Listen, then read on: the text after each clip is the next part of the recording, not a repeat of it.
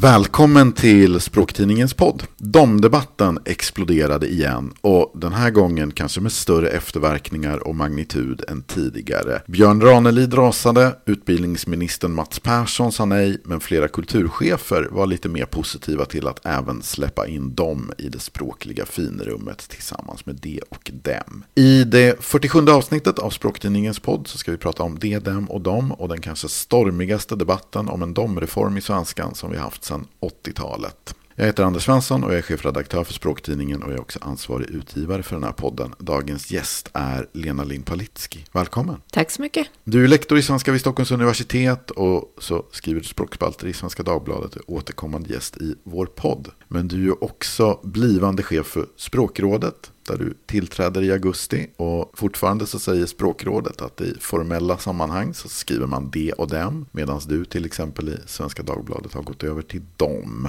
När den här nyheten kom ut att du var den nästa chefen för språkrådet så fick vi en, ja, den tredje domdebatten på ett år faktiskt och ganska stormigt. Hur har de senaste veckorna varit? Ja, men det har ju varit väldigt mycket debatt. Och det här bollen sattes ju liksom i rullning helt utom min kontroll. Att det blev den här nyheten och sen drog debatten igång. När det då blev klart att en domförespråkare skulle bli chef för språkrådet. Det har varit en intensiv debatt och jag tycker att den har varit liksom bredare och det har varit mer än det har varit i någon tidigare debatt som jag har varit inblandad i i alla fall. Den senaste liksom riktigt stora debatten, var ju lite för ett år sedan och lite i höstas och sådär. Men eh, 2016 var det ju också en ganska stor och stormig debatt när frågan liksom också fick utrymme i Aktuellt och sådär. Men det här är ju någonting annat, för det har liksom spridit sig mycket, mycket bredare. Om du skulle försöka jämföra den här debatten med 2016 då?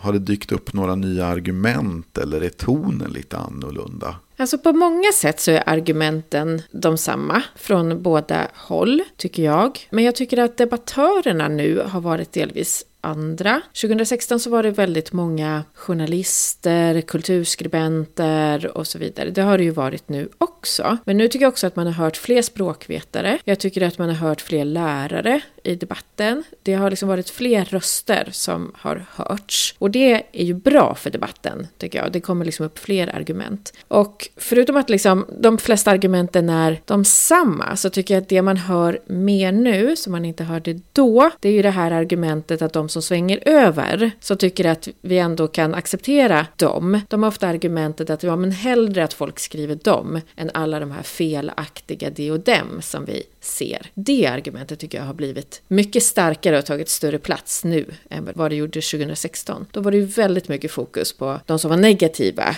att det var liksom fel på skolan, att ungdomar inte kunde lära sig, att människor var lata, att bara man ansträngde sig så kunde man lära sig. De argumenten hör man ju nu också, men verkligen inte bara. Nej, det där är väl en reflektion jag har gjort också, att om jag ska liksom analysera efter ja, men de mejl som jag får och i olika sammanhang när man på något sätt är med i den här debatten, så är det väl just den att eh, det är betydligt fler som säger, ah, jag kanske inte är superentusiastisk över dem, men jag tror att situationen är ohållbar eller att det och dem distinktionen helt enkelt om den inte har så är den definitivt på väg att kollapsa. Och då föredrar jag dem framför någon slags, ja, där alla i praktiken skriver lite som man vill. Ja, och att man då accepterar att eh, även de ska få finnas. Det är ju ingen egentligen, inte ens vi som är de förespråkare, säger ju att vi ska ta bort det och dem ur språket. Utan det det handlar om är ju att acceptera dem i finrummet, så att säga. Att även de ska ingå i, liksom, i någon typ av standards svenska, att det ska vara okej att använda dem i dagstidningar, i myndighetsspråk eller vad det kan vara, en typ av offentlig svenska. Det är ju någonting vi båda strävar efter och som ju är ett av skälet till att vi båda har gått över till att skriva dem. Det är inte så att vi önskar att det och dem ska försvinna ur språket, utan de som föredrar att skriva det och dem kan naturligtvis göra det. Men vi vill väl visa att även i de här formella texterna, sånt som brukar kallas för sakprosa av liksom lite högre snitt som det väl är kanske om man skriver i Svenska Dagbladet eller DN eller eh, Språktidningen, att då funkar de där också. Ja, men precis. Och acceptera det i sammanhang där det faktiskt inte har varit accepterat. För så är det ju fortfarande på de flesta tidningsredaktioner, tror jag, fram till nu, att man faktiskt har haft skrivregler som säger att nej, vi ska skilja på det och dem. Du får inte skriva dem i vår tidning. Och har någon skribent skickat in en text där man har skrivit dem, så har ju det ändrats då till det och dem. Det är ju det man i första hand vill vill ändra. Eller om man tänker sig, vad är det som ska göras nu? Jo, men man vill att det ska accepteras. Att man får skriva dem om man vill det.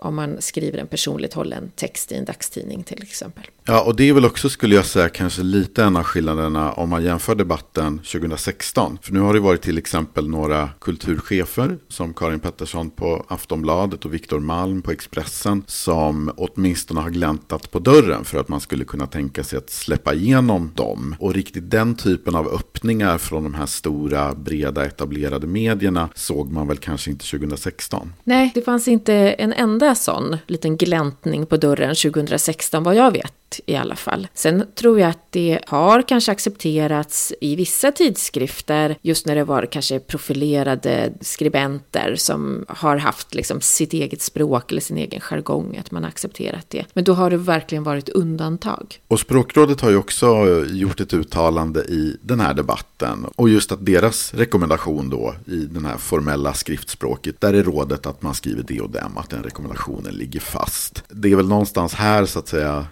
medieintresset kom eller vad man ska säga. Här fanns det en konflikt, jag, jag var tvungen att kolla och så såg jag att den senaste månaden så har du innan du tillträtt som chef för Språkrådet så har du nämnts i medierna än vad dina två företrädare gjorde under loppet av tio år. Så det säger väl någonting om det extrema intresset för den här debatten. Men jag tänker just det här att du skriver dem medan Språkrådet då förordar det och dem. Har du förståelse för de som tycker att det här kanske är lite svårhanterligt eller lite förvirrande? Vem vem säger vad? Vem tycker vad? Ja, men det kan jag absolut eh, förstå att det är förvirrande. Eller att det kan verka lite, lite dubbelt. Därför att det är klart att jag, även om jag inte tillträtt än, så kommer jag åtminstone att bli en röst för språkrådet. Men egentligen tycker jag inte att det är så problematiskt. Man måste göra skillnad på de rekommendationer som utgår från ja, men de språkvårdsprinciper som man använder när man ger rekommendationer. Och det är ju det språkrådet gör. De kollar ju så här, hur ser det ut i språkbruket just nu? Vad är det som är mest accepterat bland språkbrukarna, bland normauktoriteter? Vad är det som sticker ut minst när man skriver och så vidare? Man gör ju en typ av bedömning och en värdering av läget. Och i rådande läge, rådande offentligt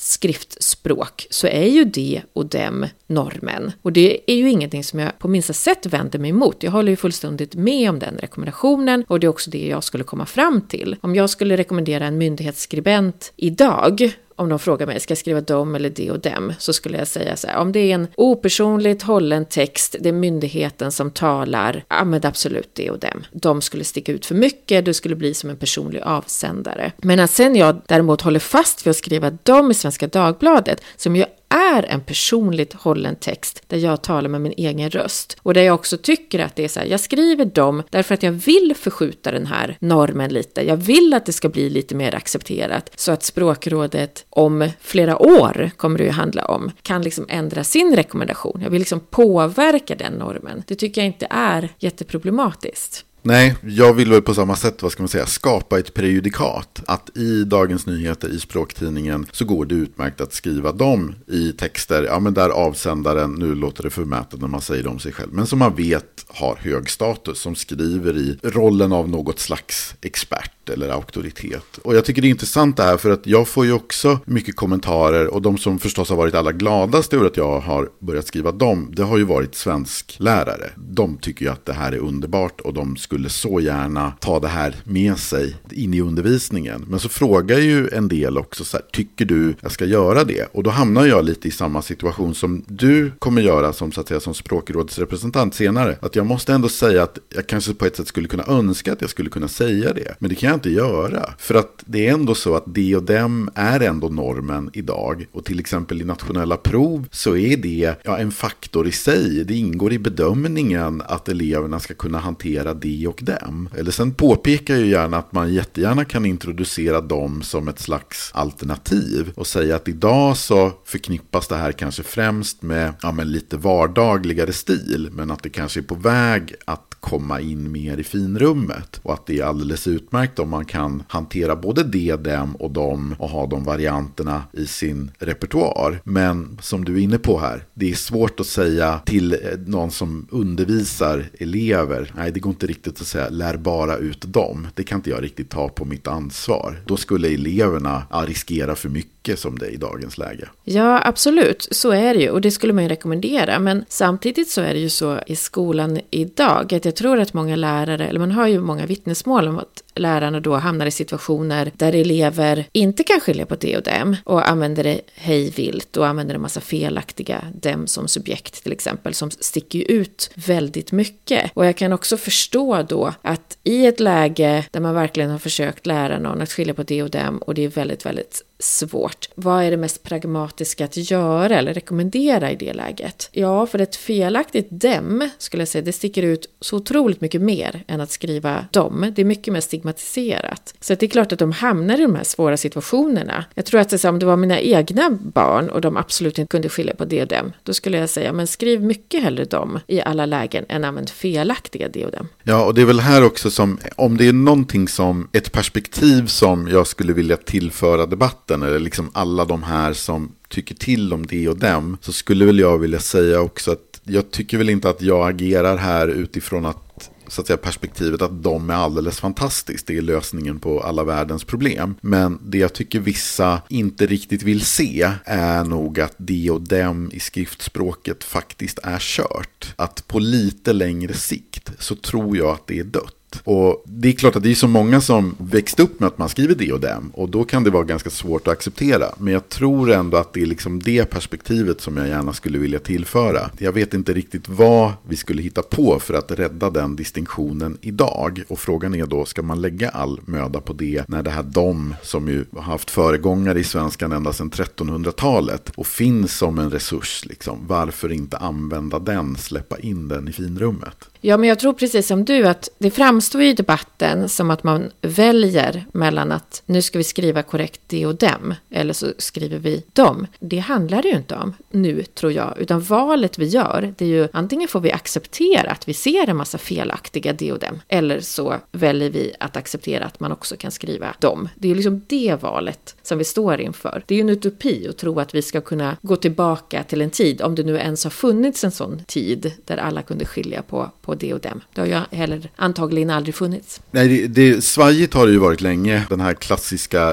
språkvårdsgurun från 1900-talet, Erik Velander. Jag såg att han tog ju upp just, ja, men just den här frågan redan på tidigt 60-tal. Det är väl det perspektivet på ett sätt jag tycker att jag saknar. Att valet är så att det inte är det, dem eller dem. Min känsla är åtminstone att valet står snarare mellan dem, kompletterat av det, dem. För många kommer förstås hålla fast vid det och dem, de som skriver det idag. Alternativt bara det, dem dem i gott och blandat mix, ungefär så. Ja, men precis. Jag tror också att, det stämmer, att det kommer vara så. Det pratar vi inte så mycket om. Jag har ju fått den här frågan ganska många gånger senaste veckorna. Hur gör man om man vill ha en reform? Vad är nästa steg och hur går en språkreform till? Och det kan man ju spekulera i eller sia om eller man kan luta sig på tidigare reformer och ha gissningar om hur det kommer att gå till och vilka steg som måste tas och så. Men det vi inte pratar om, det är ju vad är det då som krävs om vi går åt andra hållet och vi ska upprätthålla det och dem. Nu ska alla skriva det och dem. Nu ska alla skriva det och dem och vi ska göra det korrekt. Vad är det som krävs? Hur svårt kan det vara i ett argument som ofta kommer? Om det inte hade varit svårt så hade ju inte folk gjort fel, så är det ju. Men då kan man ju fundera på så här, vad är det då som krävs om vi ska upprätthålla det här? Ja, för det första så tror jag så här, vi måste återinföra alla korrekturläsare som inte finns. Och det finns det absolut goda skäl att återinföra korrekturläsare. Det kan man göra. Och behöver vi också hitta korrekturläsare till sociala medier då så att de går, även går in på Flashback och alla möjliga ställen, familjeliv och dammsuger texterna där. Exakt, då måste vi införa någon typ av moderatorer eller språkgranskare i sociala medier. Vi skulle behöva lägga enormt mycket möda på att lära ut det här i skolan. Och det är ju inte så att det inte går att eleverna är dumma. Det är inte så. Utan alla kan nog lära sig det här. Frågan är bara hur mycket tid man lägger på det. Och då tror jag att det skulle behövas ganska mycket extra undervisning. Alternativt att man lägger en jätte, jättestor del av svenskundervisningen på att lära ut bara det här. Och frågan är då vad vi får för typ av texter. Därför att jag tycker ju att det är ett problem idag när jag jobbar på universitetet. Det är helt andra saker i studenternas texter. Det spelar ingen roll om du kan skilja på det och dem, om du inte kan disponera en text, om du inte kan göra korrekta liksom, ordval, om du inte kan skriva begripligt, vårdat, konstruera en mening, hantera grammatiken på andra sätt. Då spelar det liksom ingen roll. Om du skriver en obegriplig text, men kan skilja på det och dem. Min poäng är ju ganska mycket att vi måste lägga resurserna där de gör mest nytta. Att vi måste liksom i svenskundervisningen, det är jätte jätte, jätteviktigt att lära eleverna skriva bra texter för att de ska bli bra demokratiska medborgare. Men om vi då istället ska lägga allt krut på att lära dem skilja på det och dem, då förlorar vi någonting annat och det tror jag är en otroligt mycket större förlust. Ja, det tror jag också. Och eftersom att vi inte har det och dem, eller de allra flesta inte längre har det och dem i sin inre grammatik, att man bara säger dem, så då är det väl nästa steg om vi nu skulle ta det här på fullt allvar, då får vi väl också folk börja säga det och dem, eller så att säga åt återinförliva den här grammatiska distinktionen så att det inte bara egentligen är någon slags stavningsfråga. Ja, det kan man ju tänka sig då. Det är ju liksom en utopi också att det skulle bli så förstås. Men eller så accepterar man också, det är ju en annan väg, att man skulle acceptera att det var väldigt stor skillnad mellan talet och skriften. Därför att i svensk språkvårdstradition så har det ju varit så att ett mål har varit att talet och skriften ska inte ligga så långt ifrån varandra. Språket är liksom ett verktyg vi använder för att kommunicera i första hand och vår primära grammatik lär vi oss genom att höra språket. Vi hör hur det talas, vi bildar mönster i hjärnan och skriften är ju faktiskt en avbild av talet. Det är liksom det är det sekundära språket. Väldigt, väldigt mödosamt inlärt och tar väldigt lång tid att lära sig att behärska. Så att, ja, det är verkligen svårt. Ja, men om man då accepterar att, att man har väldigt långt mellan tal och skrift så är det ju vissa språk. Att lära sig liksom, nu kan inte jag mycket om det, men standardarabiska kan skilja sig extremt mycket från olika då varieteter av arabiska. Men då är det ju ännu mer mödosam process. Och till slut så blir det ju att språket blir till för några få, för någon typ av elit som har liksom verkligen pluggat språket och lärt sig så. Och är det en situation som vi vill ha? Nej, tycker jag. Jag tycker liksom det är inte demokratiskt och språket är allas. Liksom språket måste vara demokratiskt. Ja, jag tycker ju att i och med att vi ändå lever i ett sånt skriftsamhälle som vi gör idag, att det är ju så mycket som man så att säga vinner på olika sätt genom att behärska skriftspråket. Och då finns det ju en poäng med att det inte åtminstone, det är klart att svårt kommer det alltid vara att lära sig skriva, men att det åtminstone inte är svårare än vad det behöver att vara. Så finns det ju vissa som i den här debatten har pekat på just till exempel arabiska, att det är ett stort gap mellan, mellan tal och skrift. Och man kan ju absolut ha det så, men då blir ju skriftspråket också verkligen en klassfråga eller en bildningsfråga, eller vad man nu vill sätta för så att säga etikett på det. Ett sånt här exempel som jag tycker är intressant, jag har ju tidigare bott på Island och följer språkdebatten där ganska noga. Och på samma sätt som här i Sverige naturligtvis så har man ju olika typer av grammatiska käpphästar. Det kan röra till exempel om ett verb, om det ska ha ak akkusativ eller dativform. Och så kan det vara så här när forskare går tillbaka och kollar, det har alltid funnits variation. Det är inte så att det är dagens ungdom som gör fel, utan går man tillbaka och tittar i äldre texter så hittar vi, och det här bruket verkar vara ganska konstant. Det vill säga vissa tycker av den ena eller andra anledningen att här ska det vara dativ, medan språkvården säger då kanske i något fall akkusativ och dömer ut andra som fel och liksom ovårdat, dåligt, slarvigt, alla negativa etiketter man kan tänka sig. Och där har ju språkvården också skulle jag säga, ja, men i ganska många fall haft den här ja, men ganska negativ, otillåtande syn på variation överhuvudtaget. Det det här gör med folk, produkten, och det är väl det också jag skulle vilja få in i debatten någonstans här, att det är klart att vi kan ha stora skillnader mellan tal och skrift, men det här gör ju någonting med människor också om man blir skammad för sitt språk. Ett, ett exempel som jag minns är några, några som startat ett band, släpper sitt första album och så sitter man i en direktsänd tv-intervju och så frågar programledaren, ja och varför sjunger ni på engelska då? Ja men vi är så jävla dåliga på isländska.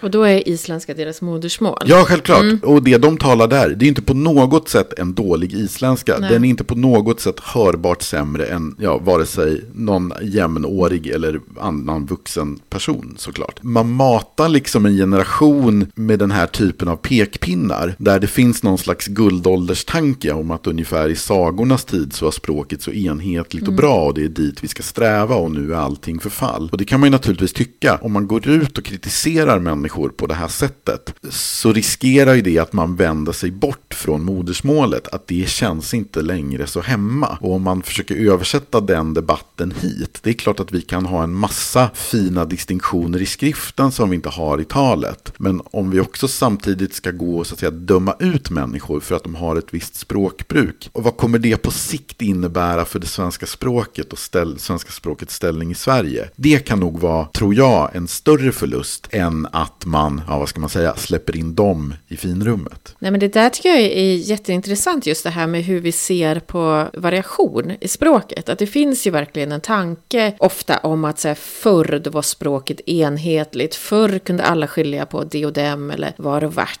eller då blev det aldrig några fel och när jag gick i skolan och så vidare. Att just den här tanken med språkets guldålder. Och så är det ju nästan aldrig. Alltså variation är ju språkets normaltillstånd. Och det tycker jag att man ser i nästan alla språkdebatter, att man hänvisar till någonting som var förr, som var enhetligt och bra. Men där kan ju forskning verkligen belägga ofta att det är, ja men i språket så var det variation, det har alltid varit variation, det finns liksom inget enhet så. Det är intressant att tänka på det, att man tänker på liksom att det, den här guldålderstanken att förr var allting så stabilt, sen blev det kaos. En annan sak som jag tänkte vi skulle ta upp. Nu har vi pratat lite om en del av argumenten som har förekommit i debatten. Men någonting som har dykt upp också som kanske skiljer det här lite från 2016 och även den debatten vi hade i våras. Vi har ju också pratat lite om hur forskningsläget ser ut just när det gäller det och dem och dem. Och det var ju några Göteborgs forskare som, jag tror att det var i Svenska Dagbladet,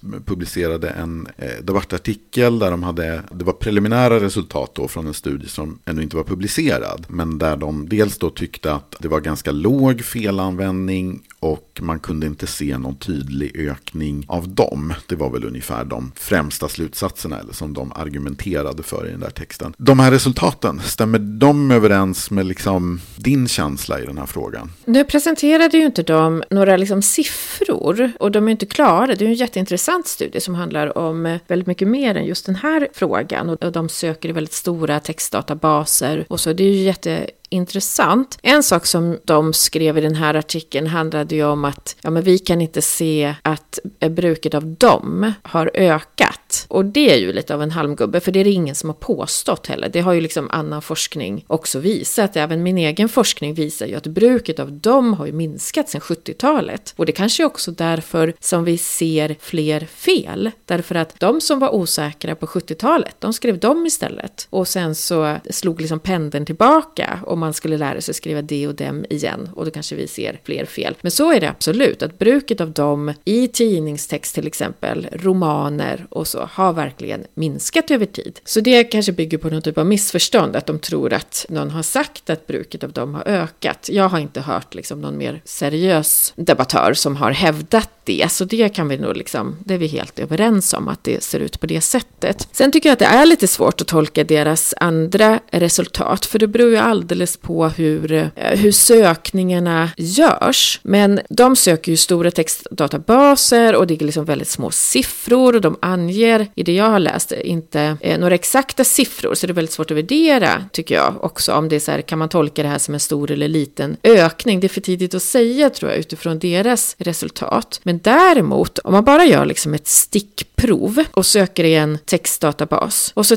söker man till exempel på dem, vilket är mycket lättare att söka på än det. och så tittar man på alla förekomster av dem i de första hundra exemplen som man får upp. Då är kanske 40 40, eller ungefär 40 procent i sociala medier, om man söker den textdatabasen, så är 40 procent felanvända. Den typen av stickprov kan man ju liksom ifrågasätta för metoder och allting sånt. Men det säger någonting. Och jag har svårt att tro att man inte skulle se den ökningen om man inte sökte i stora textdatabaser. Och jag tror inte att de har gjort den sökningen, i alla fall inte som jag har förstått forskningsresultatet. Så det handlar ju jättemycket om så här, hur ställer vi frågorna, vad får vi för resultat? Men sen finns det ju annan forskning som visar visar att det har blivit mer problematiskt med det och dem. Jag har ju också kikat på den här studien och som sagt man skulle ju vilja se lite fler, ja man skulle vilja få lite mer detaljer helt enkelt. För det är ganska översiktligt det som de presenterar. Jag har i vissa fall vid lite olika tillfällen, ja men slaskräknat lite eller vad man ska säga. Inför kanske föreläsningar så där om man varit på någon särskild redaktion eller någonting. Ja men just då och visa hur, hur verkar ni fixa det här. Det är ju inte som att det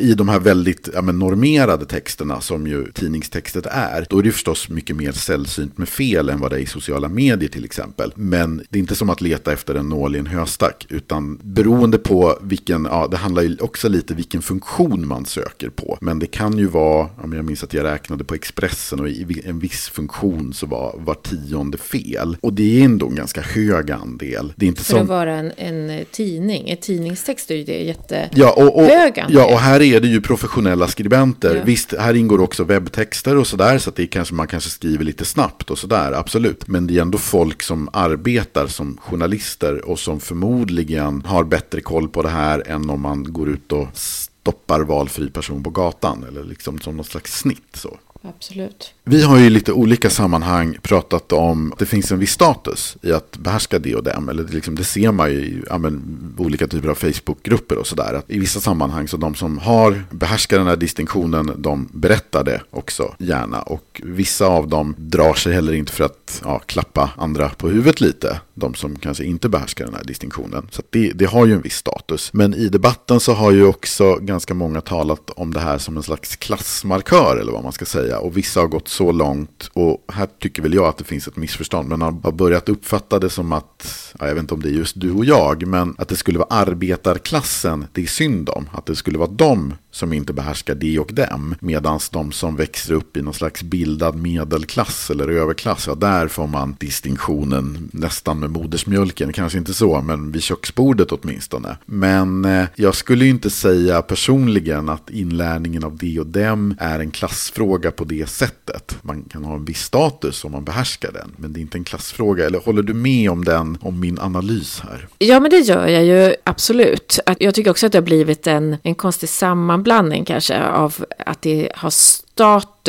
att kunna det här och att det skulle vara en, en klassfråga. För det är ju verkligen så att även väldigt vana skribenter som uppenbarligen har utbildning och fina jobb och sådär gör väldigt många fel. Jag tror ju att det här är en distinktion som är svår att lära för väldigt många människor alldeles oavsett vilken bakgrund man har. Däremot så finns ju alltid den här aspekten att liksom medelklassens barn ofta får mer hjälp hemma med läxorna, de får mer träning på olika saker. Och om då föräldrarna behärskar den här distinktionen så kanske man tragglar den med med sina barn. Det är klart att det kan finnas en sån aspekt också. Det kan ju finnas absolut saker som gör att det blir lättare för vissa att lära sig den här distinktionen. Och då kan det ju vara så att om man kommer från hem där man läser väldigt mycket, för man får ju stöd för den här distinktionen om man ser väldigt mycket i text. Så om man läser väldigt mycket eller man har föräldrar som tragglar det här med en hemma, man kanske har stöd för det här från ett annat modersmål eller ett, ett annat språk man behärskar. Alltså det kan ju finnas saker som gör att det för vissa är lättare att lära sig. Men det behöver ju inte ha med klass att göra, tänker jag. En sak som eh, alltid förvånar mig lite i den här typen av debatter, fast jag har hållit på med det här så länge, så, så är det ändå känslostyrkan som finns. Ja, men som sagt, nu har vi definitivt haft den mest omfattande debatten om dem på sig, ja, men omkring 40 år. Och jag har ju förstått att det är så att vissa Vissa av dem som kontaktar mig nu i olika sammanhang, de har inte märkt att vi har diskuterat det här ganska mycket under det senaste året. Och då har de nu så att säga upptäckt, men hallå, du skriver ju dem. Har du gått över till ja, den här hemska sidan? Sluta upp med de här nymodigheterna och så vidare och så vidare. Och samtidigt så tydliggör de här skribenterna på andra sätt att de är väldigt regelbundna läsare av språkkrönikan i DN eller av språktidningen. Och då har de ju stött på dem i mina texter i ett års tid. Utan, utan, att märka något. Utan att märka någonting. Mm. För de har ju funnits där. Och jag försöker ju inte, ja, i långa texter, då kan det ju bli många dom. Men i de här krönikorna eller kortare texter då är det kanske ett par. Bevisligen så är det så att ganska många av dem flyger under radarn eller vad man ska säga hos de här som ändå då är lite domkänsliga. Hur tolkar du det? Ja, men jag, jag har samma erfarenhet att det, att det krävs en del innan man ska upptäcka det. Jag hade ju för sig en programförklaring i svenska när jag skrev att nu jäklar går jag över till dem. Och då fick jag ju jättestarka reaktioner. Men för sen fortsatte jag skriva dem och då var det inte så många som reagerade på det. Sen började svenskan lägga in en disclaimer. Eftersom jag inte följde svenskans skrivregler så la de in en liten text om att det här är skribentens eget val. Eller jag tror att de länkade till den här texten där jag sa att nu skriver jag dem. Och då började folk reagera jättemycket. Men när det inte fanns den typen av programförklaring så flög de ju här under radarn också. Men jag tror, och nu är ju vi liksom medvetna skribenter, att om du skulle göra en lång uppräkning där du skriver de eh, gamla skorna, de fula husen, de bruna hästarna, bla bla bla bla. Och just i den ställningen när det är artikel, då skulle fler reagera än om du till exempel använder dem när det ska vara dem. Så att det handlar ju också om i vilka positioner, hur framträdande det är i texten och så vidare. Men så är det ju med allt språk. Om jag skulle använda ett ord som, eh, ja men något favoritord, inte vet jag, förträffligt och så skulle jag använda det 14 gånger i en krönika så skulle ju folk tycka att jag hade ett jättefattigt ordförråd. Så det handlar ju också om den här balansen i texten och var man skriver saker i vissa positioner, vilka positioner och, och så vidare. Det är det ju många som säger också att det är just de som artikel som så att säga sticker mest i ögonen. Och som är svårast att vänja sig att skriva också tycker jag. Och på det sättet så är det ju lite som när hen började komma in i allmänspråket. Jag började använda hen för att jag i vissa texter och ibland för att jag tyckte att det var smidigt. Men absolut inte fullt av någon programförklaring eller sådär. Men på samma sätt där att när man vet att det här är dels befinner sig i något slags etableringsfas och också då vissa personer som har väldigt starka känslor förknippade till det här ordet. På samma sätt som jag inte skriver tio dom i en, en DN-krönika på 2000 tecken så skulle jag inte skriva tio hen heller. För det handlar ju också om att man vill att språket ska vara varierat och som du var inne på, vilket ord det än är, så om det inte finns någon särskild poäng med just det där ordet, ja, då försöker man väl i allmänhet ransonera lite. Ja men absolut, så det handlar ju om så otroligt mycket mer. Men om du skulle skriva en supertorftig text som var liksom dålig på en massa andra sätt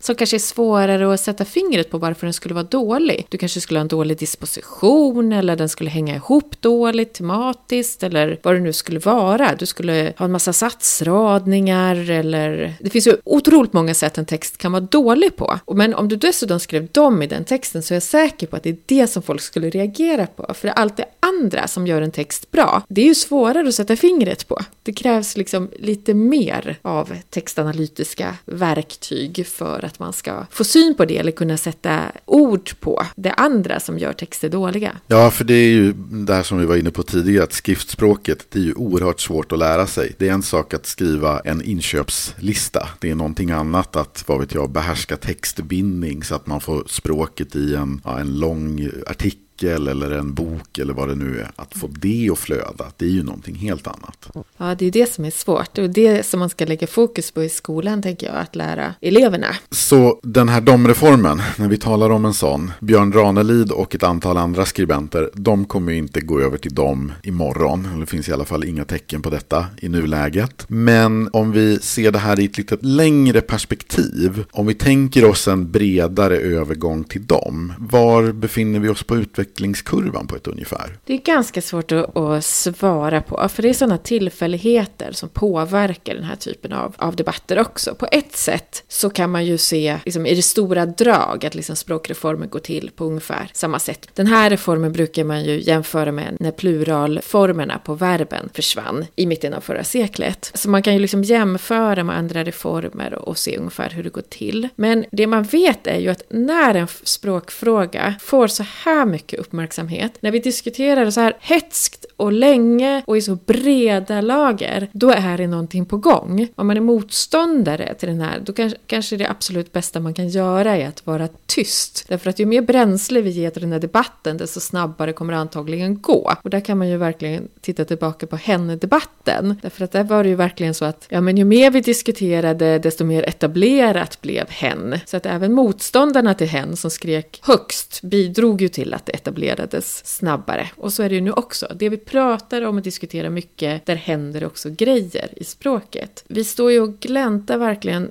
till det här att de ska bli accepterat i kanske vissa texter i vissa tidningar. Jag tror, utan att liksom, jag hade gett ganska mycket för att vara en fluga på väggen på kulturredaktioner på Aftonbladet eller Expressen när de diskuterar det här. Men man har ju hört lite hur de resonerar. Och då när Victor Malm eller Karin Pettersson eller Martin Ågård har hört prata om det här sitter och säger att ja, nej men vi håller på att diskutera, ska vi acceptera dem i personliga krönikor till exempel? Och när de nu kanske då börjar göra då, då har det ju hänt någonting någonting. Och så börjar det etableras där. Och då kommer också språkvårdens rekommendationer justeras lite. Och så kanske man kommer säga, ja, nej men i personligt hållna texter är det accepterat att skriva dem, eller är det valfritt att skriva dem. Och när det är etablerat, då kanske det också blir etablerat i fler genrer, fler typer av texter, fler författare författare kanske skriver så i sina romaner, i andra texter. Och så kommer det att etableras i fler och fler genrer, i fler och fler sammanhang. Och det är ju så en sån här språkförändring går till. Den går ju aldrig från en dag till en annan och ingen kan ju säga nu bestämmer jag att vi ska gå över till dem. Inte ens jag, när jag blir chef för språkrådet, kommer kunna säga det. Så du är inte dom-general från och med första augusti? Nej, verkligen inte. Språket är ju demokratiskt åt alla håll. Det är ju inte en person som bestämmer över språket. Jag försökte undvika ordvitsen här demokratiskt eller något sånt där, mm. för jag har sett mm. den så ofta. Nej, men jag tycker det är intressant den här parallellen med hen också, just vad som hände. Där visst, det var ett pronomen som i väldigt snäva kretsar hade diskuterats och senare också använts. Men sen gick det väldigt, väldigt fort. Och som du var inne på, medierna, redaktionerna, motsträviga i början, avvaktande. Sen kommer det här, ja men i personligt hållna texter, ungefär så, då kan vi väl tänka oss det. Men sen var det ju som att fördämning stämningarna bara kollapsade. Vi vet historiskt att den här typen av processer brukar ta, om inte århundraden, så åtminstone många, många årtionden. Men här skulle man väl nästan kunna tänka sig att om några, istället för att bara glänta på dörren, säger att vi öppnar en rejäl springa här, så kanske det kan gå ganska snabbt. Ja, men det kan ju det. Och det är ju det som krävs. Det krävs ju liksom beslut nu på redaktioner i den typen av sammanhang. Jag tror ju att vi befinner oss här liksom på krönet till tippningspunkten. Liksom vi är någonstans där nu i historien. Och bara det fattas tillräckligt många sådana beslut, för det är också så att alla medier tittar på varandra. Så att eh, DN kommer att titta på hur svenskan gör och svenskan kommer kolla på hur DN gör och hur SVT gör och hur Aftonbladet gör, Expressen gör och så vidare och så vidare. Och man säger ja, men om även de accepterar det här, då kan vi också göra det. Och sen det som hände när liksom debatten egentligen dog, eller den var inte helt dött, men när det gäller hen, men när den kraftigt avstannade, det var ju när hen kom in i Svenska Akademins ordlista, för den är ju och ses ju väldigt mycket som ett rättesnöre för svenskan. Och jag tror att när de kommer vara mycket mer accepterat, då kommer ju också också det som står i SAOL att de är vardagligt. När det tas bort, då kan man nog kalla det för att reformen är liksom genomförd, eller vad man ska säga. Då har de gjort den där klassresan i språket. Exakt. Tack så mycket Lena Limpalitski. Tack så mycket. Tack till dig som lyssnat. Vi är tillbaka med ett nytt avsnitt av podden den 21 april. Då pratar vi om en riktig språkvårdsklassiker som i årtionden präglade synen på svenska språket och som nu fyller 50 år. Prenumerera gärna på oss i din poddtjänst och följ oss i sociala medier så att du inte missar något avsnitt. Vi finns på Facebook, Instagram, Twitter och LinkedIn. Om du är nyfiken på Språktidningen och vill teckna en prenumeration så kan du gå in på språktidningen.se och pröva två nummer för 99 kronor. Du kan också testa en digital prenumeration. Du får tre månader av vår digitala upplaga för bara 49 kronor. Tack så mycket och på återhörande.